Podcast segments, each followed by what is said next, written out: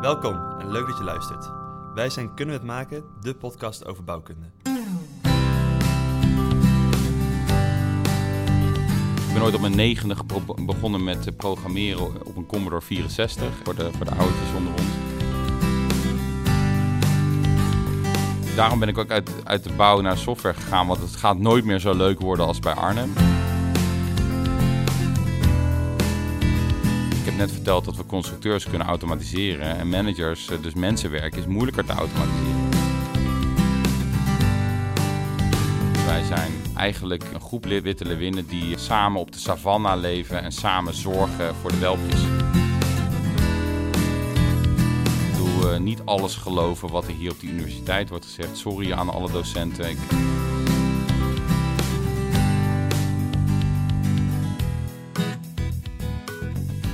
Parametrisch ontwerpen kennen we ondertussen al wel. Gebouwen in BIM zetten of zelfs in zijn geheel met grashopper ontwerpen begint steeds meer zijn eigen weg te vinden in de bouwsector. Maar wat is nou de huidige status van digitale tools en waar gaan we naartoe? Wat kan er nog beter in de digitalisering van de bouw? En wat gebeurt er als we deze tools die wij als constructeur kennen vanuit de bouw ook toepassen in andere sectoren? Dit gaan we vandaag uitzoeken samen met Jeroen Koenders. Hallo Jeroen. hallo. Leuk dat je er bent. Eh, jij werkt eh, bij eh, White Lions, hier ben jij C- CEO en dit heb jij in eh, 2013 eh, opgericht. Kun je ons vertellen wat White Lions doet? Ik heb het niet alleen opgericht. Hè. Ik heb het samen met Anke Rolfink opgericht. Daar moet ik even corrigeren. De dame Ja, die erachter stond en die mij ook een, een, een trap heeft gegeven om, om zover te komen. Dus die moeten we niet vergeten. Want waar kende je Anke vandaan? Eh, die ken ik eh, al heel erg lang. Eh, ze is ooit bij mij afgestudeerd en daarna is ze, ze is daarvoor nog studentassistent bij mij geweest. Maar we hebben heel veel jaren ook bij AREP eh, samen gewerkt. Oké. En op een gegeven moment hebben we besloten om White Liners op te richten. En jullie hadden samen een passie die, die zij vond dat jij dat na moest streven. We hadden samen een passie rond ja, computation is dat gaan heten tegenwoordig. Die term die hebben wij denk ik ook een beetje met ons afdelingje bedacht. Ehm, ja, tegenwoordig zou je het digitalisering noemen, denk ik. Eh, ja, en ehm, toen, ehm, ja, toen eigenlijk op een gegeven moment wij eh, wat gingen nadenken over hoe, wat de toekomst ons moest brengen. Toen heeft Anke het eh, definitieve zetje gegeven richting mij om, eh, om dat ook te gaan doen als bedrijf. Ja, ja, want wij waren natuurlijk gewoon in loondienst oorspronkelijk. Ja. En eh, ja, dan maak je toch een stap naar eh, een En- bedrijf worden. En wat Ja. doen jullie dan precies binnen dat bedrijf? Eh, wij maken een, eh, een platform wat eh Packhunt heet, Packhunt.io. En dat platform, je moet eigenlijk dat, dat is eigenlijk een app store voor, voor kennis, even heel algemeen gezegd. Maar wij bouwen daar eigenlijk middels een soort van digitale Lego. En die Lego, dat, zijn, dat kennen jullie misschien als Grasshopper. Maar we hebben ook nog wat meer, wat meer onderdelen. Eh, ja, bouwen we eigenlijk eh, kennismodellen. En die kennismodellen die ontsluiten we weer eh, ja, richting eh, de cloud. En, eh, dus het internet hè, in een webbrowser. En daar kun je allerlei oplossingen mee bouwen. Zoals configuratoren of ontwerpsystemen. eh, productiesystemen voor fabrieken. Ja, noem het maar op. Want het is digitale Lego. Met Lego kun je alles bouwen, zeiden ze. ja, Ja. dat is wel waar. Kun je ook je tenen stoten? En, Ja, kan ook. dit heb je Digitale dus Lego gedaan. niet. Ja. dit heb je dus gedaan vanuit, eh, of nou, hiervoor zat je dus bij AREP. Maar nog weer een paar stappen terug heb je eerst gestudeerd aan TU Delft. Maar dan heb je daar ook een PhD gedaan. Klopt dat? Ja, dat klopt. In, Ja. eh, in wat voor onderwerpen en eh, richting heb je toen? Heeft dat ook te maken met digitalisering wat je toen gedaan hebt? Of, ja, zeker, zeker. Dat heeft allemaal met elkaar te maken. Dat is, ik, ben, ik heb civiele techniek gestudeerd in, in Delft. En met name aan de gebouwenkant, de constructieve kant. Ik wilde heel graag gebouwen maken. Eh, maar ik heb ook een andere hersenhelft, zeg ik altijd. En dat is programmeren. Dat is al een hele lange hobby eh, van mij. En ehm, ja, dat kwam op een gegeven moment door mijn professor eh, bij elkaar. Die, die zag dat. Op dat moment gebeurde dat eigenlijk nog niet zo heel erg. Dus hij zag op een gegeven moment dat ik in, in Excel sommetjes zat te maken. Dat, de- dat deden mensen niet, want die deden dat op een kladblok. Ehm, ik deed dat op- in Excel en ik weigerde dat op een kladblok te doen. En toen hij dat eh door had, toen eh, zei hij... ja, jij moet bij mij studentassistent worden... en later ook gaan afstuderen. En toen is hij met, eh, ja, met een onderwerp gekomen rond... eh, ja, eigenlijk, eh, hij zei... kijk, deze brug, daar zit... eh, eh, daar is eigenlijk al het materiaal is weggegeten door de computer wat niet nodig is. Nou, dat, dat raakte mijn twee hersenhelften. Aan de ene kant bouwen en aan de andere kant eh, computers. Dus daar ben ik toen twee jaar lang mee bezig geweest om eh, ja, eigenlijk alle vormen van ja, optimalisatie, formfinding en dat soort dingen te bestuderen. En dat, eh, dat kwam uiteindelijk ja, in een soort van iets uit wat, ja, wat uiteindelijk een soort van specialisme rond computation, hè, wat dan tegenwoordig Ja. computation heet, eh, werd. Ja, En welk jaar was dat? Dat ik afgestudeerd ben. Ja. Eh, dat is in het jaar, eh goh, dan moet ik wel nadenken, 2004. eh, 2004, dat is nou al was je- ja, ja, wel jaartjes geleden, ja. Als je er echt heel vroeg bij. Bij het formfinding, eh het computational Ja, toepassen ja. op dit soort... eh, ja, zeker. Ja, want, zeker. want nog steeds eh, zie je eigenlijk wel dat dit soort tools worden toegepast met de naam van innovatie. Ja. En dan was jij dat in 2004 al ja, aan het doen. ja, ja, ik zeg ook al, ik, eh, want ik ben in 2004 afgestudeerd, maar ik ben dus in 2002 ermee begonnen. En eigenlijk wat ik doe sinds 2002 is dus ook voor het parametrisch ontwerpen. ja. Hè, wat tegenwoordig helemaal ja, het, het volgende ding is, zullen we zeggen. Maar Ja. ik doe het al 20 jaar. Dus dat is, eh, dat is al best, eh, best lang. Ik deed al parametrisch ontwerpen voordat Grasshopper bestond. ja, ja, dat was Ja, eigenlijk de volgende ja. vraag. Want in welke taal deed je dat? Ehm, nou ja, de, oorspronkelijk in, in allerlei programmeertalen. Ik, eh, ik, ik kan daar heel veel. Ehm, omdat, wat ik al zei, het een beetje een hobby was. Dus Ja. eh, ik denk dat ik... eh, ik heb uiteindelijk veel bij de universiteit gedaan. Ook in Java en C Sharp bijvoorbeeld. Ja. Ehm, maar ook wel andere, andere dingen. Ehm, uiteindelijk ben ik bij een organisatie terechtgekomen die heet Smart Geometry. En bij Smart Geometry, dat weten ook niet heel, niet heel veel mensen, maar daar zijn eigenlijk alle huidige parametrische systemen geboren. Dus eh, Ja. eerst Generative Components van Bentley. Eh, daar ben ik heel nauw bij betrokken geweest. En ook eh, ehm, Grasshopper en Dynamo zijn ook allebei eigenlijk in datzelfde groepje van een man of, nou ja, wat zal het zijn, 100 misschien. Daar is die software geboren. En daar was ik er ook een van. Eh, ik heb niet die software geschreven, maar ik, eh, ik begeleide dan ook workshops en dat soort dingen. Ja. denkwerk mee en dat soort dingen, ja. En je zei ehm, bij delen kennis bij eh, White Lions. Is dat dan open kennis of is dat dan kennis die je moet, nou ja, waarvoor je moet betalen? Hoe, hoe werkt dat? Dat is, dat is een goede vraag. Dat, kijk, onze missie is uiteindelijk om proberen geavanceerde technologie voor iedereen beschikbaar te maken. En, eh, maar daar zeg ik niet per se bij dat het onbetaald hoeft te zijn. Want ik denk als je als bedrijf in kennis wil investeren, hè, en in digitale kennis met name, dat kost geld. En eh, mensen moeten ook een reden hebben, hè, bijvoorbeeld ingenieursbureaus, om die kennis te delen. Want ja, ze hebben ze, die kennis nu, daar verdienen ze geld aan. Ja. Dus ja, als ze dat nu zeg maar, gratis op het internet beschikbaar stellen, zullen we zeggen, dan is het waardeloos geworden. Ehm, dus wij, eh, wij bieden mechanismes om eh, dat ook betaald beschikbaar te, ken- eh, te stellen, zodat er een reden is om, om kennis ehm, ook met elkaar te gaan delen. Hè? Dus dat Ja. het de investering uiteindelijk waard is om in, in kennis te stoppen. Ehm, nou is het ook wel een beetje uit wat idealisme geboren, want uiteindelijk, hè, nou, we zijn hier ook op een universiteit. Ehm, en eh, ja, ik liep bij een universiteit ook rond heel lang. En ehm, ja, ik zag daar allemaal hele mooie algoritmes en heel veel kennis. En aan de andere kant liep ik bij een ingenieursbureau rond in de praktijk. En ook in de aannemerij heb ik eh, gebouwen natuurlijk eh, geboren zien worden. En dan zie je eigenlijk hoe weinig kennis die op die universiteit wordt uitgevonden, hoe, dat, hoe weinig dat wordt toegepast in de Ja. praktijk. En dat vond ik enorm zonde. Dus ergens hoop ik ergens ook nog dat een platform zoals Packhunt uiteindelijk ook gaat helpen om al die hele slimme algoritmes uiteindelijk in de praktijk te komen eh, brengen. Zodat het uiteindelijk ook een betere wereld kan eh, veroorzaken. Want het dingen zoals optimalisatie of zo, hè, wat ik al zei, waar ik al twintig jaar mee bezig ben. Dat is niet iets wat heel veel wordt toegepast in de praktijk. Nee. En dat is zonde, want daar kun je bijvoorbeeld heel veel materiaal mee besparen, of energie mee besparen, of eh, ja, betere presterende gebouwen maken, noem het maar op. We gebruiken het niet. En dat is, eh, dat is zonde, denk ik. Ja. Ik denk dat we toch onze, als we bepaalde hele grote wereldproblemen willen oplossen, dat we onze knappe koppen moeten gebruiken. En, eh, en die knappe koppen worden helaas ook steeds schaarser. Dus dat, eh, dat is natuurlijk ook een probleem. Ja. Ja, dus echt helemaal ontstaan vanuit een ideologisch eh, wereldbeeld.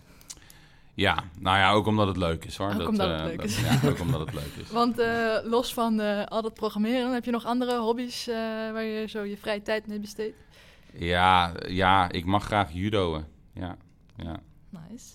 Cool. Welke band? eh, Ik heb de blauwe band, maar ik moet helaas zeggen dat ik ook al drie jaar geblesseerd ben. Dus ik Oh, begeleid nu vooral eh, eh, wat groepen mee. En mijn zoontje die actief, eh die judo't actief. Dus dat eh, ah, Oké, cool. mag ik langs de kant staan Je hebt het doorgegeven. en kijken. En, en wat voor eh, vader ben je dan? Eentje die staat te schreeuwen of eentje die staat eh stilzwijgend? Nee, ik ben eh, een eh, kijkt? hele stille, stille, stille coach. Ik ben wel een coach, coach. maar eh, ik, eh, ik help wel de kinderen te begeleiden. Maar eh, ik, ben, eh, ik ben een stille coach. Ja. Ik schreeuw niet, eh, niet altijd. Alleen als er een punt wordt gescoord, dan even juichen natuurlijk. Ja, ja, Ja, tuurlijk. hoort ook wel tuurlijk. Ja, Maar ja. dat, Soms, is het ook heel spannend. Dus, Ja, ja, ja, klopt. Ehm, ja, wij hebben elke aflevering een klein vragenvuur... waarin we vijf eh, stellingen voorleggen... Die, wij, eh, die jij dan kort mag beantwoorden met eh, ja, nee, waar of niet waar. En dan daarna krijgen we kans om ze te nuanceren. Graag leggen wij jou deze stellingen voor. Is dat oké, Wint? Ja hoor. Oké, ik begin met de eerste. Een goede manager zijn is moeilijker dan een goede constructeur zijn. Een goede manager is moeilijker dan een goede constructeur zijn. Dat is waar. In mijn vrije tijd knutsel ik nog wel eens aan eh, nieuwe digitale tools. Eh, dat is waar. De bouwwereld is te veel opgeknipt. Oh, dat is zeker waar. Maar- Dat is niet moeilijk. Eh, omdat de bouw zo verouderd is, is innoveren super eenvoudig. Nee, dat is niet waar. Nee. Over tien jaar is White Lions een gevestigde naam in de industrie. Is het nog geen gevestigde naam in de industrie? Oeh. Nou, dat is waar. Waar? Je zegt dat eh, innoveren niet eh, super eenvoudig is. Nou ja, super is dan misschien een beetje overdreven, maar niet eenvoudig is. Hoe komt dat? Ja, dat is, dat is best lastig. Ehm, kijk, ik zie wel dat er heel veel wil is. En om eerlijk te zijn, ik denk ook wel dat eh, de bouw zich minder zou moeten schamen dan, eh, dan dat we ons af en toe doen. Hè. We hebben toch de naam van dat we niet zo innovatief zijn en een beetje conservatief en al dat soort dingen. Ik vind dat dat niet helemaal waar is, hè, want ik denk dat, dat, eh, dat wij ook best wel innovatieve dingen doen. Hè. Noem maar even hier het betonprinten wat gebeurt in Eindhoven. Dat, Ja. dat zie je op die schaal, zie je dat nergens eh, in een andere industrie. Hè? Dus, ehm, en, eh, dus ik, ik denk dat we ons niet zoveel zouden moeten schamen ervoor. Aan de andere kant, wat ik ook wel zie, is dat toch wel bij heel veel bedrijven heel veel barrières zitten. Dat je toch ziet van ja. Met name rond digitalisering, hè, dat er soort van ja, er wordt eh, één stap voorwaarts genomen en weer twee terug, zeg maar. En dat is soms jammer. En dan weer eentje voorwaarts en dan weer wat terug. En, dus ehm, en dat, dat is wel zonde. En ehm, ik, ja, dus, dus de, ja, innoveren is niet zo, eh, niet zo eenvoudig. Nee. Maar wat mist er dan? Mist er de wil? Of is het geld? Of is het eh, het mensen die het niet kunnen? Wat, wat, waar zit het? Ja, ik weet niet. Misschien is het soms een beetje durf en ondernemersgeest. Hè? Eh, misschien is het soms allerlei... ja, dat mensen toch voor korte termijn gewin gaan en niet voor de lange termijn. Want ja, toch, je moet toch een beetje voor innovatie denk ik ook een wat langere adem hebben. Ja. Ehm, en er ook in- echt in geloven. Hè? Dus er zit ook een stukje belief, denk ik, gewoon in. Dat je, ja, als je belooft dat iets beter moet worden, ja, dan zou je er toch wel even wat tijd aan moeten besteden. En eh, ik kan nog eh, de oprichting van White Liners, dus de dag van gisteren, herinneren. Maar we zijn toch ook alweer bijna negen jaar bezig. Dus eh, ook, Ja. ook, ook voor ons geldt dat wij, wij voelen ons ook nog steeds een start-up. Hè? We zijn ook nog steeds een soort van start-up. Dus, dus dat, eh, ja, dat, je hebt er best wel een lange adem voor nodig. En je ziet dat niet alle bedrijven dat geduld hebben. Dus eh, je ziet dat ze dan wel eh, ja, soms even naar voren rennen, iets heel nieuws doen en dan ja, het weer op de plank leggen en dan eh, weer gaan wachten. En dat is, dat is zonde, want ik ben een beetje ongeduldig wat dat betreft. Ik wil graag heel vaak voorwaarts met dit soort dingen en dingen verbeteren. Dus ja, dan, ik vind het dan zonde dat dat dan over op de plank ligt. En dat, eh, want ik weet wat er allemaal op die planken ligt, dus ja, ik wil dat het liefst eraf trekken en in de praktijk brengen. ja, Ja, ja, vandaar ook eh, dat platform waar jullie mee bezig zijn natuurlijk. Ja, ja. ja. Ehm, want hetzelfde geldt denk ik ook een beetje voor dat eh vormoptimalisatie, waar jij dus al zegt van ja, ik was er vanaf 2002 al mee bezig. Maar toch zie je langzaam wel dat een beetje in de bouwwereld niet heel uitgebreid, maar wel een beetje terugkomen. Denk je dat dat wel langzaam nu doorgezet gaat worden? Dat dat toch na 20 jaar misschien een keer... Ja, absoluut. Kijk, er is ook iets bezig eh, en daar, daar dragen wij ook eh, aan mee, wat je dan eh, denk ik democratisering noemt hè, van technologie. Dus waar Ik ben ooit op mijn negende begonnen met programmeren op een Commodore 64. En voor, de, voor de oudjes onder ons. En ehm, ja, zo'n zo'n computer die was lang niet zo krachtig als wat we tegenwoordig in onze binnenzak hebben zitten, zitten als mobiele telefoon. En uh, ja, ik was toen een van de weinige mensen, zeg maar. Ik kende niemand die sowieso een computer had. En laat staan dat hij erop kon programmeren. Uh, dus ik was ook een, een nerd, hè, uh, zoals dat dan uh, zo mooi heet. tegenwoordig is dat een soort van geuzetitel, heb ik bijna het idee. Als je tegenwoordig software developer ja, ja, bent, dan ben je heel erg gaaf. dus dus ik, ik moet zeggen, misschien heb ik aan bijgedragen dat we ook gaaf geworden zijn. Maar, um, nee, maar dat is een beetje besides the point. Um, uh, nou ja, goed, wat er dus, uh, wat er dus gaande is, is democratisering. Hè, dat technologie steeds eenvoudiger wordt. Um, en um, nou ja, dus, dus wat ik zei, dat zo'n mobiele telefoon, die wordt, uh, die wordt, die wordt, die wordt, dus steeds meer mensen kunnen die mobiele telefoon gebruiken. En dat, ik zeg altijd voor de grap, ook mijn, mijn moeder, die kan, die kan ook tegenwoordig een mobiele telefoon gebruiken. En die kon absoluut niet de Commodore 64 gebruiken. Nou, je ziet eigenlijk dat dat ook aan het gebeuren is voor programmeren. Hè? Dus waar vroeger ik gebouwen programmeerde met textuele programmeertalen, wat heel veel mensen ingewikkeld vinden Python misschien daar nog daar gelaten. Hè? Dat, dat is wat nog wel wat mensen doen. Maar je ziet eigenlijk dat veel meer mensen Grasshopper of Dynamo kunnen. En dat is ook een soort van democratisering. Hè? Dus dat het feit. En wat je ook ziet, is dat juist weer in de plugins van Grasshopper en Dynamo. dat er dus nu ook allerlei dingen zoals optimalisatie en machine learning en dat soort dingen. die algoritmes worden beschikbaar die vroeger, die moest ik programmeren. En als je drie maanden bezig om een uh, genetisch algoritme te programmeren. En tegenwoordig trek je gewoon Galapagos uit de bibliotheek. En dan, uh, dan zet, je, zet je daar die optimalisatie mee aan de gang. Dus je ziet dat daar, dat daar al een soort van democratisering uh, aan het plaatsvinden is. Dat, dus ik denk absoluut dat het gewoon wachten is totdat, uh, totdat dat uh, ja, zijn vlucht gaat nemen. En dat is wederom ook waarom wij daar als PackHunt proberen, of met PackHunt eigenlijk aan, aan bij te dragen. Want jullie maken met PackHunt dan ook tools voor in bijvoorbeeld Grasshopper en Dynamo? Of hoe zit dat? Zou dat nou, wij, wij, draaien eigenlijk Grasshopper-modellen binnen ons, uh, binnen ons platform. Maar we bieden eigenlijk allerlei gereedschap eromheen. Zodat je niet meer lokaal Grasshopper op jouw computer hoeft te draaien. Ja. Maar je draait het eigenlijk op de cloud. Ja. En dat betekent dus dat je allerlei, uh, uh, ja, dus dat je allerlei weboplossingen... Dus je hebt alleen maar een webbrowser eigenlijk nodig om uh, je Grasshopper-model te bedienen. Oké, en zien zij dan ook nog echt wat er in dat Grasshopper-model staat? Of zorgen jullie eigenlijk dat dat dan allemaal uh, gedaan is en zij hoeven alleen maar input te geven, de parameters aan te passen? Nou, het idee is natuurlijk wel dat mensen gewoon vooral zelf uh, met die Grasshopper-modellen aan de slag gaan. Dus wij doen dat niet per se. Wij doen dat voor sommige klanten doen wij dat wel, ja. omdat ze graag willen dat wij het doen. Maar, uh, maar dat, is, dat is in principe de uitzondering. Hè. Voor het platform is, het, is de gedachte dat je het zelf doet. Uh, maar als je eenmaal de oplossing op het internet hebt gezet, dan zie je eigenlijk niet meer wat erachter zit. Dan zie je het Grasshopper-model niet. En daar zit eigenlijk ook wel weer de kracht in, want uh, je kunt het wel bedienen. Ja. Maar je kunt, het niet, uh, je kunt niet zien wat erin zit. En dat betekent ook dat je kennis veilig is. Ja, Want ja, uh, misschien dus dat je die kennis wil verkopen. Ja, dan wederom, als alle mensen kunnen meekijken, dan, uh, dan is het niet... Uh. Maar ik, je kunt natuurlijk je Grasshopper-model altijd in GitHub zetten als je wil. En dan, ja. dan kan iedereen meekijken. Dus maar ik hou ook niemand tegen. Dat... Eigenlijk is het een soort van teaser. Je ziet dat, dat je dingen aan kan passen. Je denkt, oh, dit is gaaf, dit wil ik veranderen. En dat, maar je kan niet bij de informatie zelf... om het dan perfect te maken voor jouw situatie. Jawel, je kunt het wel perfect maken voor jouw situatie. Je moet alleen dan, hè, maar je bent gelimiteerd door de parameters hè, die ja, vrijgegeven zijn. En ja. de, die parameters die kunnen best wel ver gaan hoor. Dus ja, uh, okay. mensen denken altijd van, van die, ik noem het de DJ-schuifjes, de, schu de sliders. de, sliders. De, de sliders of getalletjes. Maar wij kunnen ook bijvoorbeeld allerlei interacties mogelijk maken in het model zelf. Dus dat je op een raam klikt en dan, dan gebeurt er iets met dat raam of zo. Weet je? Of die kun je dan verplaatsen of groter maken of kleiner maken. En zo. Dus er zitten uh, dus ook, we bieden een soort van bredere toolkit eromheen. Ook om allerlei, ja, wat ik zeg, interacties mogelijk te maken die ook bij het web horen. Hè, dus als je dingen op het web wil doen in een webbrowser, dan ja. Uh, ja wil je daar ook allerlei, hè, wat ze dan UX uh, noemen, hè, interactiedesign bij gebruiken. Dus als ik het goed begrijp, kan een, bijvoorbeeld een constructief bureau kan gewoon in jullie, op jullie platform een soort van oplossing aanklikken. En dan kunnen ze daar al een parameters inzetten. En dan hebben ze gewoon hun project, wat zij op dat moment van een uh, andere klant hebben gekregen, hebben ze gewoon al helemaal klaar liggen. Ja, ja.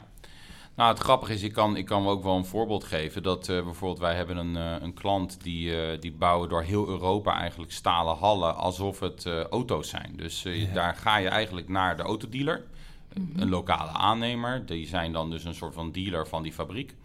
En dan, dan, dan, dan, log je, dan loggen zij in op dat systeem. Hè. Dat is gewoon een, een website eigenlijk. En dan gaan ze met jou ja, de opties van je auto kiezen. Dus je zegt hoe groot je hal moet zijn. Je zegt waar je de windverbanden wil hebben. Je zegt waar je de openingen wil hebben. Waar je de gaten in het dak wil zetten, hebben. Wat voor materialen je wil hebben. Dat kies je allemaal. En dan, uh, dan ja, eigenlijk wat we dan parametrisch doen met Grasser-model... is gewoon dat hele gebouw controleren van voor naar achter.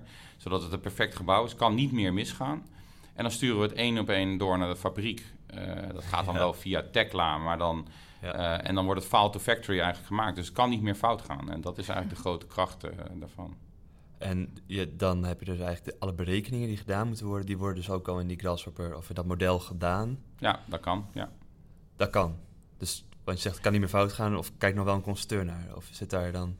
Je kunt het compleet automatiseren. Of, het, uh, of je dat wil doen, dat is natuurlijk een tweede vraag. Hè? Dus uh, ik, uh, ik, ik zit ook in allerlei constructieve denktanks en uh, daar zijn we wel hard aan het nadenken van is dit een ontwikkeling die we zo willen hebben. Ja, maar het kan wel. En ik heb altijd wel een beetje de stelling als het kan, dan gaat het ook gebeuren. Ja. Dus ik denk dat we ook maar het antwoord voor mij in die denktank is ook altijd we moeten zorgen dat we het dan verstandig doen en dat we daar goede, ja. goede manieren voor bedenken dat we het verstandig kunnen doen. Want dat het gaat gebeuren, dat, uh, dat, dat kan ik wel. Uh, daar dat kun je wel, vergif op innemen, denk ik. Dat is als ik mensen vertel wat ik studeer, dan krijg ik altijd de vraag van, maar als je twee keer die kolom hebt berekend, dan weet je het toch?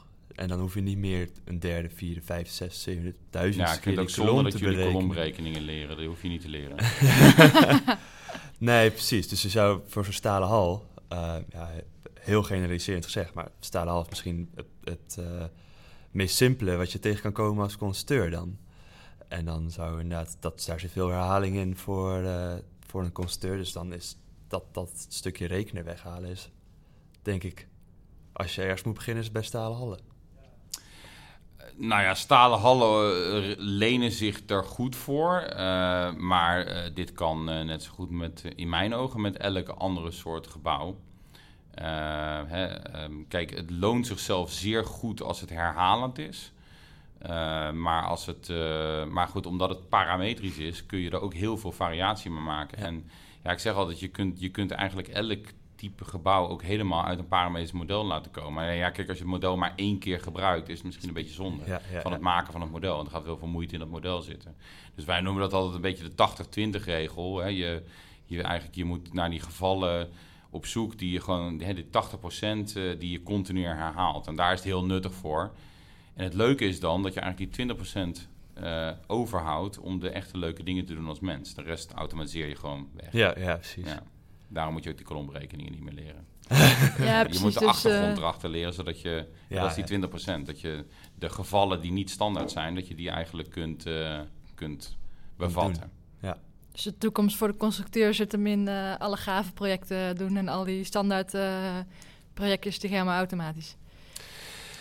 Um, nou ja, ja, ik denk dat, dat, dat dus de het intelligente werk uh, zeker. Uh, ik denk dat er een hele grote kans is dat uh, constructeurs een soort van kennisonderhouders en ontwikkelaars moeten worden. Ik hoop ook dat echt ja, een hoop constructieve kennis ook verder ontwikkeld wordt. Hè? Dat, we, dat we gewoon meer gaan weten van constructies en van nieuwe typen. Hè? En, er is, we noemden net 3D-betonprinter, daar is nog zoveel van onbekend.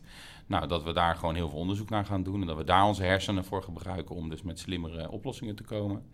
Um, en dat moet uiteindelijk weer gedigitaliseerd worden. En die digitale modellen die moeten wel onderhouden worden. Want uh, het is niet zo dat, dat, uh, dat, dat maar, maar één keer, dat je dat één keer doet en dan voor de rest van je leven blijft, blijft gebruiken. Nee. ook daar moet aan doorontwikkeld worden met nieuwe kennis en met nieuwe mogelijkheden en dat soort dingen. Ik denk aan de andere kant dat er ook nog wel een soort van heel erg menselijk aspect blijft wat de computer niet zo kan vervangen. Hè? Dus uh, ik weet dat er altijd over AI wordt gezegd ja. uh, dat, uh, dat dat wel zou kunnen. En ik denk dat ik wel kan zeggen dat ik daar niet zo heel erg in geloof. Ja, het zou kunnen, maar de vraag is of je het moet willen en of het werkt. En wij merken ook wel hoe meer je gaat digitaliseren, ergens hoe, hoe, hoe belangrijker ook op bepaalde punten dat menselijke aspect wel bijvoorbeeld weer een rol speelt. Welke punten zijn dat? Nou, ik, ja, we hebben bijvoorbeeld een klant die, die verkoopt online eh, trappen. En eh, eh, ja, dat, dat, dat vroeger deed je dat tra- traditioneel eigenlijk. Hè? Dus met, eh, dan kwam er iemand bij je langs en die ging je situatie opmeten en foto's maken en tekeningen maken. En een offerte maken en dan productietekeningen maken. En dat duurde eindeloos en daardoor werd die trap veel te duur. Ja. En nu verkopen ze hem online op het internet. Nou, dan, dan vraag ik altijd, als ik college geef of zo, dan, ga ik in, dan vraag ik in een techneutengroep, dan vraag ik, jongens, wat is het eerste nou wat je vraagt bij een trap? Nou, jongens, wat vraag je bij het eerste als je een trap wil verkopen? Hoe hoog moet die worden? Ja, de afmetingen. Dat is wat alle techneuten denken. Jij kopt hem gelukkig in. Je bent een goede, een goede techneut. Wat blijkt nou? Als je op het internet iets wil verkopen, haakt dus gewoon een groot deel van de mensen af op het moment dat ze de hoogte moeten gaan invullen. Of de breedte of dat Ja. soort dingen. Want dat is allemaal veel te ingewikkeld. Dus ja, want dan moet je op gaan meten en daar gaan mensen heel erg over twijfelen. En als ze twijfelen, haken ze af. Dus wat moet je doen? Je moet, en dat is heel menselijk. Je moet dus beginnen met het kleurtje. Hè, dus welk, eerst het kleurtje uitzoeken. Of eh, je kunt hem ook in het goud krijgen of dat soort dingen. Mensen moeten verliefd worden op het idee... ik kan een gouden trap in mijn huis krijgen. Ja. Nou, en dan, eh, dan vervolgens heb je ze. En dan kun je die vraag stellen over die afmetingen. Nou, dat zijn dus hele menselijke aspecten eigenlijk... waarvan je zegt, en wij noemen dat de customer journey... Zo'n customer journey, dat is eigenlijk iets wat ja, een heel menselijk iets is... maar wat dus, eh, dus helemaal niet... eh, ja, eigenlijk uh, ja, zo, hè, dat minder met digitale of technische dingen te maken heeft. En dat, uh, dat wordt in één keer belangrijker toch in zo'n digitaal proces. Ondanks dat je van alles aan het wegdigitaliseren bent. Ja. Ja, ja. Ja, precies. Dus zij willen eigenlijk eerst beslissen dat ze een wenteltrap willen en dan pas gaan ze kijken of hij wel past in het huis. dat wij ze spreken wel. Ja, Ja, ja dat zou kunnen, ja. ja. Uh, je bent ook bezig met de, of je bent lid van de studiestijl Stuvip of Robocon? Robocon is de naam van de studiecel, ja, van, van Stuvip. Ja, ja, dat klopt. En wat doet, wat doet Robocon? Ja, het is, uh, we, zijn, we hebben eigenlijk ons rapport opgeleverd. Doen we, dus we doen nu niet zo heel veel meer. Behalve dat we nog één keer in september uh, een Stuvip-avond gaan organiseren om uh, onze resultaten kenbaar te maken. Daar heeft dan een stuk in cement gestaan over. Het is een soort denktank geweest over wat zou digitalisering, maar misschien nog wel iets verder, robotisering van het, van het constructieve vak, wat zou dat kunnen betekenen? En wij, uh, ja, we hebben daarover nagedacht en we hebben eigenlijk daar een soort van gedachtenmodel ontwikkeld, een beetje aan uh, um, equivalent aan uh, de autonome auto's. Uh, daar heb je ook een soort van de, de levels of autonomous vehicles of iets dergelijks. Um, en um, ja, eigenlijk het idee is dan van hè, op het meest minimale niveau bestuur je hem helemaal als bestuurder. Ja. En dan via allerlei levels, hè, een cruise control en uh, weet ik veel wat je allemaal hebt. Uh, camera's in je auto, sensoren. Nou, helemaal via de Tesla die dan een beetje automatisch rijdt. Maar dan moet je nog je voet bij het gaspedaal houden. Tot op een gegeven moment het idee dat je helemaal automatische auto's hebt waar je gewoon in kan slapen of weet ik wat. En wij hebben een beetje geprobeerd om zo'nzelfde soort gedachtenmodel op te stellen voor um, ja, robotisering, digitalisering van het constructieve vak.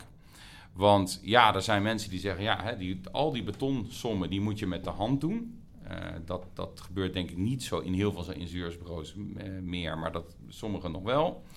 Aan de andere kant zijn er mensen die zeggen, ja, we kunnen tegenwoordig gewoon met machine learning ook gewoon al die kolommen berekenen. En dan, uh, ja. dan doet de computer het gewoon bedenken. En er zijn nog wel wat stadia verder waar je zelf zou kunnen zeggen, ja, het is heel erg fantasiewereld, maar zou een gebouw niet op een gegeven moment bedacht kunnen worden? Zou het initiatief zelfs niet door een computer genomen kunnen worden?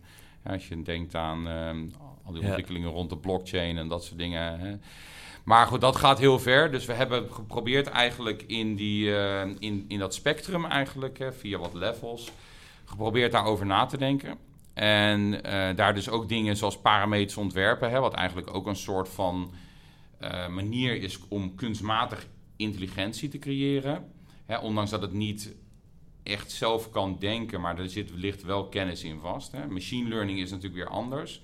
Uh, hè, dat, dat, is meer dat de data, maar dan kunnen we de kennisregels erachter niet meer zo goed zien. Maar dan denkt de computer tussen aanhalingstekens wel een klein beetje al. Ja. Want, uh, en uh, ieder geval, hij, hij komt met een soort van voor ons on, on, onverwacht gedrag, om het zo maar te zeggen. Ja. Um, nou, in, in al die levels hebben we eigenlijk gekeken van, nou ja, hoe zou je daar nu mee om moeten gaan? Wat speelt daarbij? En uh, ja, hoe, hoe, ja, want uiteindelijk, hoe, wat betekent dat voor het constructeursvak?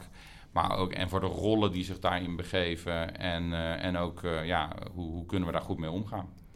En hebben jullie hierbij dan alleen naar het uh, ontwerpproces gekeken of ook echt naar hoe het dan gebouwd kan worden en zo meer richting 3D-printers of weet ik het wat? Uh... Ja, we hebben, we hebben wel met name het geconcentreerd rond het vak van de constructeur, zeg maar. Want anders ging het wel heel uh, breed. Ja, maar ik denk dat we her en der ook wel wat uitstapjes in ieder geval in ons denkproces met, met, die, met die commissie hebben gehad, met die studiecel. Uh, naar ook wel de andere ontwikkelingen natuurlijk. Ja, want je gaat ook nadenken van oké, weet je, ja, misschien dat een robot dan uiteindelijk, als hij het kan bedenken, kan die misschien ook wel gelijk het printen. Dan, dan, ja. ah, dan is dat ook gelijk geautomatiseerd. en uh, je hebt een beetje uitgelegd van hoe jullie dan zo, wat voor proces jullie hebben gehad en hoe jullie daarover nagedacht hebben. Kan je heel kort ook een beetje de conclusies daarover zeggen of is dat echt te uitgebreid? Nou ja, ik denk dat het model op zich een soort van conclusie was dat dat een gedachtenmodel is. Hè? En dat je dus zo daarover kunt nadenken. Want ik denk niet dat dat er eerder was. Ja, um, dus dat is op zich al een conclusie. Daarnaast hebben we heel veel gedetailleerde conclusies getrokken. Hè, met um, ja, wat betekent dit voor, dus wat ik al zei, voor de rollen. Hè? Dus, dus je gaat natuurlijk uh, een relatie krijgen. Je hebt de traditionele constructeur, zullen we zeggen, die met zijn pen en papier dingen deed. Maar je hebt nu ook softwareontwikkelaars. Je hebt misschien software testers. Nou, hè, of ga je zelf software ontwikkelen? Ga je zelf Grasshopper gebruiken? Nou, daar hebben we heel erg over nagedacht. Uh, als maar één van de thema's. Maar dat, uh, dat, dat gaat misschien wat ver om het allemaal in detail uit de doeken te doen. Maar uh, ja, dan moet je het rapport lezen. ja, het doel was dus om gewoon een soort van model te maken... zodat elke constructeur maar een soort van...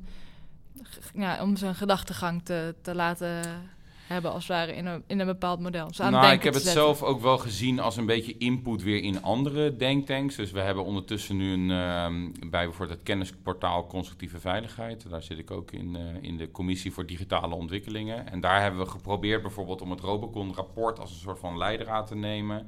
Om daar weer een bespreking te hebben van wat moeten we nou in de constructieve... Uh, ja, richtlijnen gaan meenemen die in dat kennisportaal staan. Hè. Dus, okay. Uh, we hopen dan, hè, dat is een hele brede groep uit de industrie en opdrachtgevers die, uh, die uh, ja, eigenlijk proberen daar samen de constructieve veiligheid te verhogen. En we proberen, ja, eigenlijk met dit soort gedachten proberen we ja, ook die veiligheid dan te verbeteren, ook nu rond die digitale ontwikkelingen. En daar kan ik wel bijvoorbeeld, denk ik, een, een conclusie noemen, hè, is dat, kijk, waar vroeger natuurlijk heel erg werd gezegd van nou ja, als je je eigen Excel-sheet maakt of je gebruikt een eindige elementenpakket, hè, dan moet je op de achtergrond van je sigarendoos nog even een sommetje maken. En dan, uh, dan, dan, dan is dat je controleberekening, zeg maar. Nou, dat is nog steeds zo. Hè, dat moet je natuurlijk doen. Maar, kijk, als jij nu tools gaat ontwikkelen en je gaat die met heel veel mensen delen dan zijn er ook wel softwareontwikkelingstechnieken die je misschien ook zou kunnen gebruiken. Hè? Testing en al dat soort zaken. In de softwareindustrie zijn natuurlijk uh, zijn dat soort ontwikkelingen, of uh, heeft dat eigenlijk al plaatsgevonden. Dus daar kunnen we wel lessen uittrekken om ook te kijken of we dat ook niet ja, in die ontwikkeling van dit soort tools uh, kunnen gaan doen. Want dan wordt het wel dat we er op een hele meer verantwoordelijke manier mee omgaan. Um, wat ik altijd wel een interessante vraag vind om hierop in te steken is eigenlijk in zo'n constructeursbureau of in het vak constructeur merk je dus dat er wel redelijk wat digitalisering wordt gevraagd. Wil je daar uh, staande blijven of meegaan met de innovatie? Uh, maar krijg je dan straks constructeurs die uh, van bouwkunde hebben gestudeerd en net zoals jij hebben leren programmeren?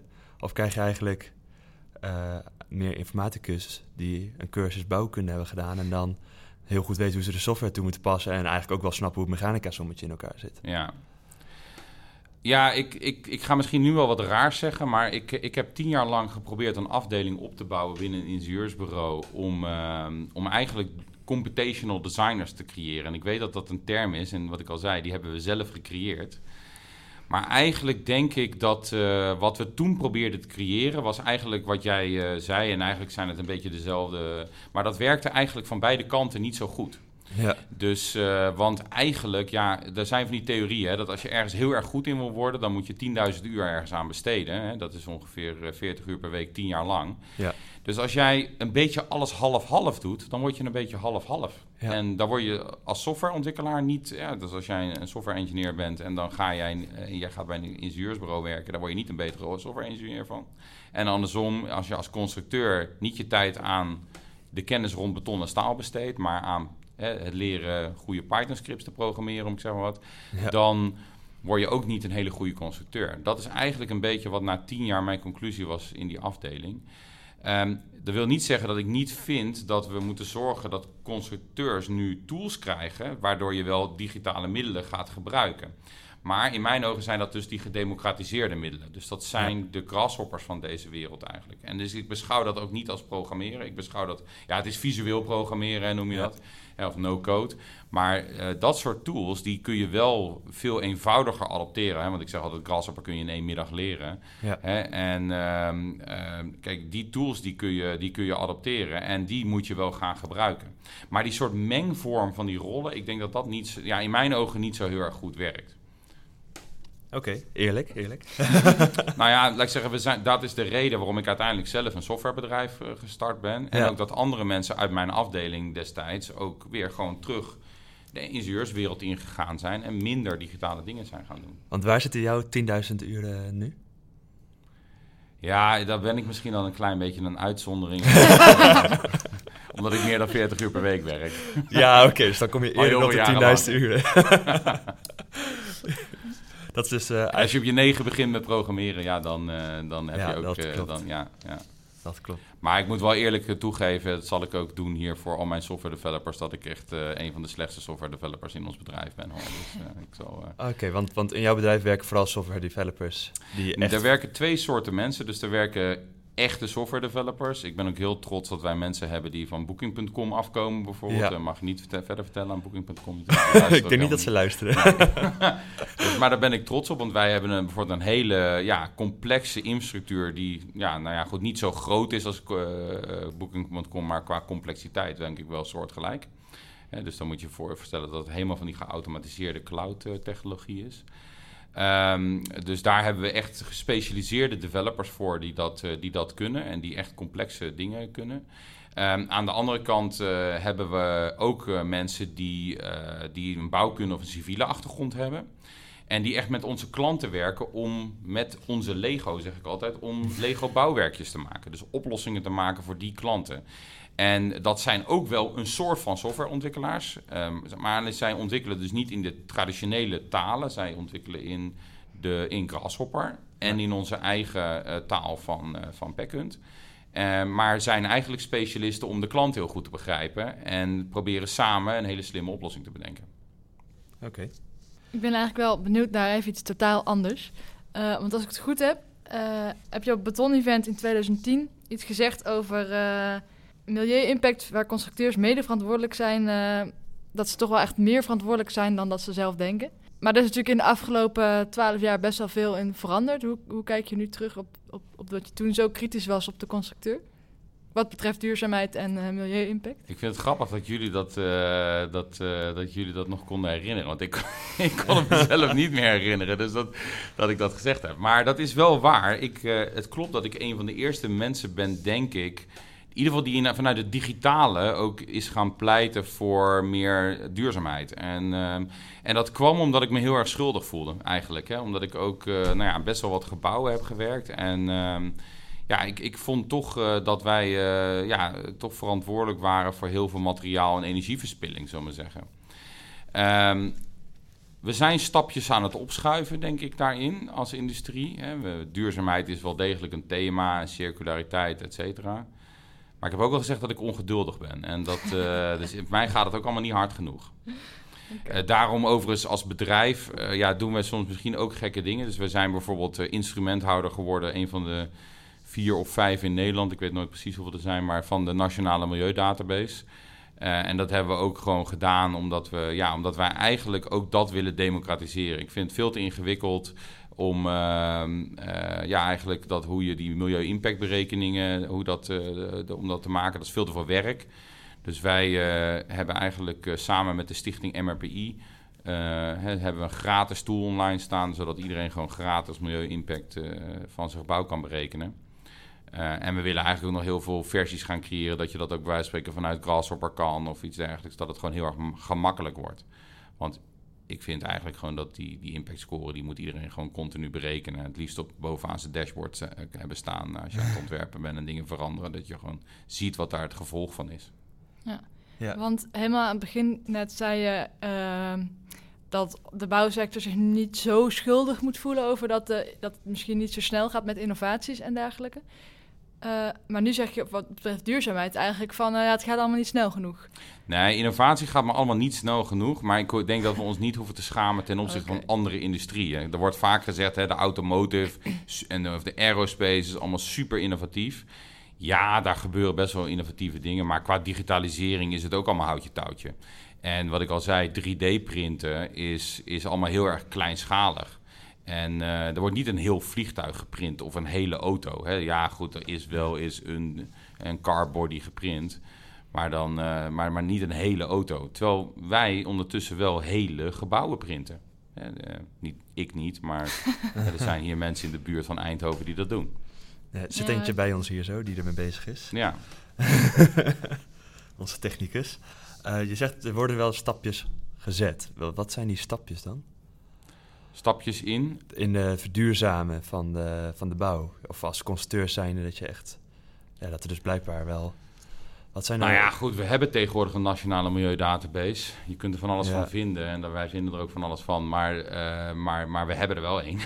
Dat is al iets. Dat was er vroeger niet. Hè. Dan moest je ergens eh, uit, uit het buitenland eh, ergens een database halen. De Bath database was er ooit zo eentje die... Ja, en dan was toch een beetje onbekend hoe ze daar dan aankwamen. Dus we maken daar stappen in. Ehm, kijk, eh, ik denk dat, eh, dat je ziet dat er allerlei bedrijven bezig zijn met circulaire concepten, met eh, nou ja, sowieso het, besparen van energie, overal zonnepanelen op proberen te krijgen. Dus er wordt natuurlijk wel veel nagedacht en er wordt ook wel wat gedaan. Alleen, wat ik zeg, ik zou het toch liever nog wat harder willen, hè, dat het nog wat harder gaat. En wat, wat zou dan de eerste stap zijn die je nu zegt van... Nou, die grote stap die moeten we eigenlijk maken? Ja, jij stelt mij veel te moeilijke vragen. dat, soort dingen weet ik niet. Ik weet dat dingen over digitalisering en ehm, dus ik, eh, ja, volgens mij moeten we heel veel digitaliseren. Maar, eh, maar, maar nee, ik, eh, laat ik zeggen, dat, dat vind ik een beetje een te grote vraag eh, om, om te beantwoorden. Dat weet ik niet. Als ik de antwoorden op de vraagstukken in de wereld had, dan, Ja, precies. dan was ik misschien wel een heel rijk man geweest of iets dergelijks. En dat ben ik niet. Ehm, los van eh, al dat eh, software ontwikkelen en eh, digitaliseren, heb je natuurlijk ook gewoon een tijdje. nou ja, je hebt gezegd, eh, tien jaar was ik bezig geweest om een groep op te wisselen. Maar in die tijd was je ook constructeur bij AREP. Ja. En heb je daar ook wel veel gedaan. Ehm, want je bent ook heel erg betrokken geweest bij het station in Arnhem, hoorde ik. Ja, klopt. Kan je Klopt. daar eh, kort iets Ik over zeg altijd dat ik vertellen? tien jaar van mijn leven eraan eh, ges- gespendeerd heb. het, is, het, is, het is iets korter, eh, een jaar of negen denk ik, maar goed. de- ja, ehm, nou ik moet wel zeggen, ik ben begonnen als constructeur bij AREP. Maar nou moet ik Ja. wel zeggen dat ik een van de directeuren laatst sprak. En eh, dat ik me ook realiseerde toen ik kwam solliciteren bij hem... dat toen het woord programmeren viel, dat ik heel snel was aangenomen. Dus ik heb, om Ah, eerlijk te zijn, niet zo heel lang betonsommen gemaakt en, en, en dat soort dingen. Ik heb her en der nog wel eens betonsommen en staalsommen gemaakt, maar dan toch wel ook wel snel weer in de computer. Ehm, ja, station Arnhem, wat ik al zei, daar heb ik, eh, daar heb ik veel, eh, veel jaren aan besteed. Eerst eigenlijk om ehm, ja, proberen om samen met UN Studio een soort van digitale taal tussen ons, eh, samenwerking te creëren. Hè, om, om te zorgen dat we elkaar snapten. UN Studio ontwerpt in Rhino. Toen was er nog geen Grasshopper. Ehm, ja, wij moesten eigenlijk de modellen die zij hadden proberen aan te tonen dat, dat, eh, dat het bleef staan. En ook ja, verder constructief uit te werken. En dat was een hele uitdaging in die tijd, want onze software die had bijvoorbeeld dat soort modellen niet. Dus we moesten, ja, ik heb heel veel tools geschreven om eh, proberen eh, die, die, die modellen om te zetten. Maar ook bijvoorbeeld om, eh, het, voor degene die het kennen, en anders moet je het maar eens op het internet opzoeken als je het niet kent. Maar het zijn allemaal vloeiende vormen en dus ook van allemaal variabele diktes. Dus eigenlijk geen enkele dikte is op elk van het beton is op, op een punt gelijk. Dus we, we hebben heel veel tools geschreven om eh, ja, bijvoorbeeld de diktes te meten op elk punt. Zodat we gewoon heel simpel met UN Studio konden communiceren of het genoeg was. Eh, om maar een voorbeeldje te noemen. Maar ook, we hebben allerlei eh, rekensoftware eh, gehackt om proberen de data erin te krijgen. Ja, want die software, die, daar kon het eigenlijk niet in. Dus daar heb ik oude hackertrucken uit de kast moeten trekken om proberen dan die software eh, toch zover te krijgen dat je, dat je die data erin krijgt. Dat is uiteindelijk gelukt. Dus dan kon- hebben we het wel kunnen uitrekenen. Maar dat, eh, ja, dat was heel, heel complex. Dus daar heb ik heel veel tijd aan besteed. Ehm, op het allerlaatste ehm, heb ik eh, samen met ProRail ook de, de laatste aanbesteding eh, begeleid. Ehm, die gelukt is, want er waren vier eh, die waren mislukt daarvoor. Eh, omdat het een ja, heel complex eh, gebouw was en dat de aannemerij daar eigenlijk niet zo aan wilde. En eh, ja, ik ben er wel trots op dat de laatste, laatste keer het gelukt is, omdat ik denk dat we ja, met al die computermiddelen en met al het uitwerken en eh, nou goed, al het overleg wat we hebben gehad met alle partijen, dat het toch gelukt is om het risico laag genoeg te krijgen en dat het uiteindelijk gebouwd kon gaan worden. En het staat er nu. Dus, eh, maar Want- het heeft wel veel eh, jaren gekost. In, in welke periode, welke jaartallen was je echt met dat begin, met al die software schrijven zo bezig? Over welke tijdsperiode hebben we het dan? Ja, ik denk dat dat, dat, dat, dat vlak nadat ik bij AREP kwam, ehm, dus vanaf, nou ja, ik ben na mijn studie 2004 daar begonnen. Dus, dus ehm, ik, ik denk dat dat kort daarna zal geweest zijn, eh, vanaf 2005 zullen we zeggen. En ja, totdat ik, eh, ja, vlak voordat ik wegging in 2013. Dus dat zal, ja, 2012 of zo zal dat eh, ergens geëindigd zijn. Dus dit is ook al nog, een van de eerste grote projecten die echt zo op zo'n digitaal vlak al eh, uitgewerkt is. Of, eh, Nou, het is wel denk ik een van de meest complexe gebouwen sowieso in de wereld. Eh, dat weten niet veel mensen, want het is niet alleen digitaal complex, maar er zit eh, ook qua geotechniek en het beton, het is schoon beton, met, met allerlei inkassingen erin en vrije vormen en zo. Dus het is op vele, vele, vele manieren is het een complex gebouw. Ehm, ja, het is, eh, het is, ehm, het is niet het, het, het eerste gebouw, denk ik, wat op een hele digitale manier gemaakt is. Hè. Er zijn wel meer gebouwen. Ik heb zelf ook al aan andere gebouwen gewerkt eh, in de tussentijd eigenlijk, die gerealiseerd zijn in de tussentijd van Arnhem, ja. oké. Want eh, het station van Arnhem kenmerkt zich inderdaad door al die vrije vormen, eh, veel rondingen ook. Ehm, is dat het hele element dat ze daar hebben gemaakt, is dat helemaal dragend? Of zitten er ook gewoon stukken tussen die nou, ja, een beetje voor de mooi zijn dan? Of, eh, Dat, dat, nou, nou, nou onderscheid, maak jij een onderscheid dat iets dragend dus misschien niet mooi kan zijn, maar dat... eh, nee, nee, nee, dat, dat bedoel ik niet. Maar ik bedoel meer van, ik kan me voorstellen dat, eh, je zegt er zijn risico's en moet veel berekeningen erop doen. Maar ik kan me voorstellen dat iets wat gewoon moet blijven hangen en verder geen dragende functie heeft voor de rest van de constructie, dat dat minder complex is dan wanneer je iets moet maken wat ook daadwerkelijk een functie heeft richting de rest van, de, van het dak. Ja, ik denk dat, dat Arnhem een gebouw is, de- er hangen geen stukken aan, laat ik het. Ja, ja, precies. Dus alles wat, eh, wat volgens mij, voor, voor zover als ik weet, in ieder geval een beetje op de hekwerkjes na misschien en de gevels. Maar, maar ehm, eh, laat ik zeggen, al het constructieve heeft ook een constructieve functie. En dat maakt het Ja. ook juist zo complex. ja, Eh, dus, eh, dus dat, nee, dus maar kijk, eh, of al het, of al het beton of het staal wat eraan zit, dat het nodig is, dat is vraag 2 natuurlijk. Hè? Dat, Ja. maar, maar ja, ik denk dat dat aan de andere kant de esthetiek van het hele gebouw ten goede komt. En ehm, ja, dus ik, ja, ik moet zeggen, ik heb ook tijdens dat project ook wel heel veel waardering gekregen voor architecten. Ja, want het is een eh, ontworpen door een architect. En is er dan nog nagedacht over optimalisatie of iets in die richting? Of is het gewoon meer, eh, ja, ja, dat is heel kort door de bocht, maar mooi. Ja, ik denk als je de, de, de, precieze uitleg eh, wil dat je Ben van Berkel zelf moet uitnodigen, komt hij vast graag vertellen hier. Ehm, ja, kijk, ik, ik, wat ik weet wel is dat er, dat er wel hele gedachten achter zitten, achter de vorm. Eh, maar ook de hele looproutes door het station heen, et cetera. Ehm, eh, of daar heel veel met geautomatiseerde optimalisatie, ik denk dat dat, eh, dat beperkt is. Er, is wel, er zijn wel dingen gebeurd en ik weet ook wel dat zeg maar, in het vormen van de vorm, ehm, ja, dat, dat, dat daar ook wel allerlei computermiddelen aan ehm, geleerd zijn of gebruikt zijn, hè, die. Ehm, nou ja, ik denk dat je dat niet optimalisatie kunt noemen, maar eh, wel vormfinding, zeg maar. Dus, Ja. en, en dan het onderscheid is een beetje dat vormfinding niet per se naar een soort van ehm, eh, een minimum of een maximum toe werkt, maar ook naar, naar, naar het creëren van bijvoorbeeld een vloeiende vorm of iets dergelijks. Ja, precies. En als je terugkijkt op, eh, dan heb ik het echt even over je bouwkundige loopbaan, dus niet al je software eh, achtergronden. Was dit dan ook een van de gaafste projecten die je hebt gedaan, of zou je daar toch een ander project eh, uitpikken dan? Oei. ehm, Nou ja, ik denk dat, dat, dat, ehm, dat eh, Arnhem eh, een van de gaafste projecten is, omdat het heel mooi was, maar ook omdat ik het ja, geweldig vond om met een team van echt specialisten en we hadden, ik had daar eh, samen te werken en ik, dus ik, had, ik had echt 25 mensen die echt heel erg goed waren en, ehm, en, en allerlei specialismen door elkaar. Dus dat, dat vond ik zelf heel erg geweldig. Ehm, maar ook de hele relatie met de opdrachtgever, de architect. Ik denk dat dat een soort van ja, je zou er een boek over kunnen schrijven, bij spreken, wat er allemaal gebeurd is. En dat, uh, maar daar heb ik ook heel veel goede gevoelens bij. Dus dat, ja, uh, ik, ik zeg ook altijd, ik wil, daarom ben ik ook uit, uit de bouw naar software gegaan, want het gaat nooit meer zo leuk worden als bij Arnhem. Uh, dus dus dat is ook een beetje schuldig vervolgens. Want ik dacht, nou, er is vast geen tweede gebouw zo leuk. um, aan de andere kant, ja, ik heb ook wel aan hele andere gave projecten gewerkt. Ik heb ooit samen met Matthias Del Campo van Span Architects... bijvoorbeeld het Oostenrijkse paviljoen in Shanghai in, voor de expo in 10, 2010 ontworpen. En dat is ook een beetje zo'n verhaal van... ja, ik was toevallig in Wenen en...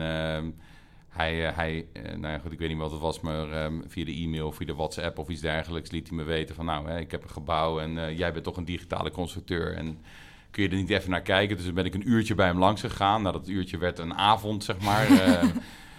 um, en toen hebben we eigenlijk dat concept uh, geboren laten worden. En dat is gewoon uiteindelijk gerealiseerd. En dat is, ja, dat vind ik ook wel eigenlijk heel gaaf. Dat soort uit een soort hele toevallige soort van WhatsAppje bij wijze van spreken. Dat er, dat er zo'n gebouw uh, dan, uh, dan, dan voortkomt. Dus dat zijn ook wel hele leuke dingen. Om, wat kleinere dingen, maar wel heel leuk ook. Ja, verder, ik heb uh, nog ook aan het Groningen aardbevingenproject gewerkt in het eerste jaar na de Huizingen aardbevingen. Dat is wel weer een heel ander project, want dat is natuurlijk helemaal geometrisch niet zo complex. Maar we hebben wel daar weer ja, aan hele interessante digitale dingen gewerkt. Um, om proberen ja, de Groningers te helpen. En dat, uh, dat, dat, vond, ik, uh, dat vond ik ook wel heel, heel leuk. Oké. Um, je zegt elke keer refereerde aan dat je een team had bij AREP. Dus je bent eigenlijk ook ja, dan een soort manager, of je bent een manager, dat is misschien beter gezegd. Aan het begin zei je ook al, het is moeilijker om een goede manager te zijn dan een goede constructeur. En toen zei je, waar? Uh, waar zit dat dan in? Oei, uh, ja, kijk, uh, ten eerste, ik hou er niet zo van, van om manager uh, genoemd te worden. Oké, okay, sorry. er is, er is zo'n zo'n boek en dat moet iedereen lezen, dat heet Bullshit Management. En dat, dat, dat gaat er dat gaat erover dat, dat management heel vaak uitgevonden is om management te doen. Dus dat, dat, daar, daar ben ik ook geen grote aanhanger van. Um, ik denk wel dat je hè, met teams samenwerken en teams leiden, et cetera, dat daar wel een bepaalde methodiek achter zit. En, ehm, maar dat is mensenwerk en dat is best lastig. En ik heb net verteld dat we constructeurs kunnen automatiseren. En managers, dus mensenwerk, is moeilijker te automatiseren. Dus ehm, ik denk uh, dat ik daarom zei van, dat dat toch dat dat lastiger was. en wat zijn dan de, ja, de complexiteiten waar je tegenaan loopt? Bij mensen? Ja, bij mensen. Dat je, dan, je hoort wel eens, dat vind ik altijd een leuk voorbeeld. Je hebt Marco van Basten, die werd, was eerst een goede voetballer, maar werd toen trainer. En die kon het eigenlijk niet hebben dat zijn spelers niet zo goed konden voetballen als dat hij was. En daardoor had hij er moeite mee om ze te begeleiden. Ja, zijn dat dan dingen die je dan ook tegenkomt? Of? Ja, nou ja, goed, je wordt natuurlijk wel geconfronteerd soms met, met ook wel dingen dat je, dat, je, dat je geduld moet hebben. Hè? Wat ik al net al zei dat ik niet heb. Dus, dat, dus ik wil graag voorwaarts. Dus, en uh, ik moet ook wel zeggen dat ik soms een beetje abstract ben en um, grote ideeën en visies heb. En het is niet altijd even makkelijk om dat uit te leggen aan mensen als je ook nog weinig geduld hebt. Dus, dat, uh, dus er is niks menselijks, is mij, uh, mij ook vreemd wat dat betreft. Um, ja, ik denk natuurlijk, hè, een hoop is, uh, is, is gedrag van mensen, wat, wat, wat soms gewoon, uh, wat gewoon lastig is. Maar uh, ja, aan de andere kant, eh, weet je, ik vind het ook wel weer heel... Ja, ik zou, ik zou niet dingen in mijn eentje willen doen. Ik denk dat het veel beter is om dingen met een team te doen. Ja, want je bent nu dus werkgever bij White Lions. Je was eerst werknemer bij AREP. wat is je ervaring als werkgever nu bij White Lions? Ja, eh, werkgever, dat, dat vind ik nog wel een beetje, ook wel een beetje zo'n eh, zo'n zo'n zo'n woord. Je houdt er niet van om... eh, liever, liever, liever dan ondernemer of iets dergelijks. Hè? Dus ik, ik vind het ten eerste heel leuk om te ondernemen. Hè? Dat is het verschil als bij, bij een in, in loondienst of als werknemer ergens te zijn. Is dat ik nu de vrijheid heb om met alles en iedereen die wil samenwerken, die wil innoveren, om daarmee samen te werken. Of dat nou intern of extern is. En dat is denk ik de vrijheid van het ondernemen die ik, eh, die ik heel erg leuk vind. Ehm, maar het tweede is ook wel eh, een team bouwen. Hè? En ehm, nou ja, wij weten, wij heten White Lioness. En eh, wij, wij grappen altijd een beetje over, dat, eh, over witte leeuwinnen. En dat wij dus eigenlijk ook een groep witte leeuwinnen zijn. Dus wij zijn eigenlijk een groep witte leeuwinnen die, die eigenlijk samen op de savanna leven en samen zorgen voor de welpjes. Ik weet niet of jullie dat weten, maar leeuwen die leven in groepen. Eh, de mannelijke leeuwen, hè, die hebben grote manen, grote schreeuwende bekken en, en dat soort dingen. Ehm, en die, eh, maar die worden buiten de groep gehouden. Dus dat is ook een beetje zo hoe wij daarover nadenken. Eh, Dat zijn, dat zijn de mensen die allemaal meningen hebben en al dat soort dingen. Wat, wij, ehm, wat wij fijner vinden hè, binnen White Liners is dat wij een team zijn en dat iedereen zijn mening telt. Dus wij zijn ook een heel inclusief bedrijf wat dat betreft.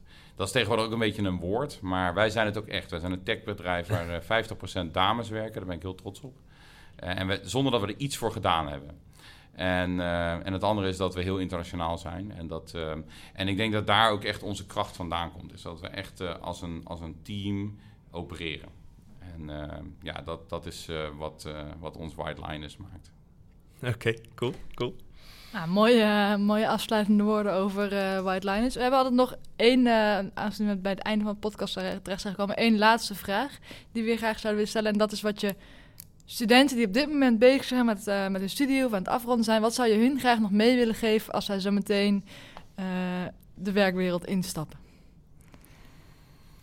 Als ze de werkwereld instappen. Oh ja, maar ik heb zoveel dingen om ze mee te geven. Ja. Kijk, ik, zou, ik zou ten eerste zeggen, hè, denk zelf na. Hè. Kijk, ik bedoel, eh, niet alles geloven wat er hier op die universiteit wordt gezegd. Sorry aan alle docenten. Ik, ik, ik bied gelijk mijn excuses aan. Maar, ehm, hè, maar, maar geloof gewoon niet alles. Je moet zelf nadenken, je moet zelf dingen ondernemen... en je moet zelf je passie achterna. En ik, eh, achterna. Dus ik denk ook de soort van key to succes is uiteindelijk dat je in je passie zit. Hè. Je moet dingen doen, want als je gepassioneerd bent, is het gemakkelijk. Maar ik zou daarna zeggen dat op het moment dat je die stap maakt naar de praktijk, ja, dan moet je dus naar die directeuren toe gaan en dan moet je gewoon eisen dat ze gaan digitaliseren natuurlijk. Hè? Dat, eh, hè, en dat ze jullie ook gebruiken voor wat jullie allemaal geleerd hebben op de universiteit. Want wat je al, wat je, hè, want ik, volgens mij doen jullie hier Grasshopper en al dat soort dingen. Hè, dus, maar er zijn heel veel ja, bureaus die dat er een beetje uit proberen te mappen en dat, dat, is, niet, eh, dat is niet goed. Dus eh, eis vooral dat jullie ook gewoon hè, voorwaarts moeten. De toekomst is van jullie, niet van die oude directeuren die er allemaal zitten. Ook sorry voor die directeuren, ik uh, gelijk mijn excuses aan. Maar hè, de toekomst is uiteindelijk van jullie en niet van hun. Kijk, dat eh, lijkt me een waardevolle les. Hey, Jeroen, hartstikke bedankt eh, dat je hier bent gekomen. Ik eh, vond het een, zeker een zeer interessante podcast. Heel veel geleerd. En eh, nou ja, dankjewel. Dank jullie wel, ja. Ja, dankjewel. U luisterde naar Kunnen we het maken? Gepresenteerd door Hidde van Wezel en Saar Driessen. Tot slot willen we de commissie die heeft geholpen deze podcast te maken bedanken. En Joram Driessen bedanken voor het introductiemuziekje. Als laatste natuurlijk jij bedankt voor het luisteren. Wil je graag reageren op deze aflevering? Dan kan dat door te mailen naar podcast.koerstw.nl of door ons te volgen op Instagram @koersief. Over twee weken zijn we terug met onze volgende aflevering. Voor nu bedankt voor het luisteren en tot ziens. Doei doei.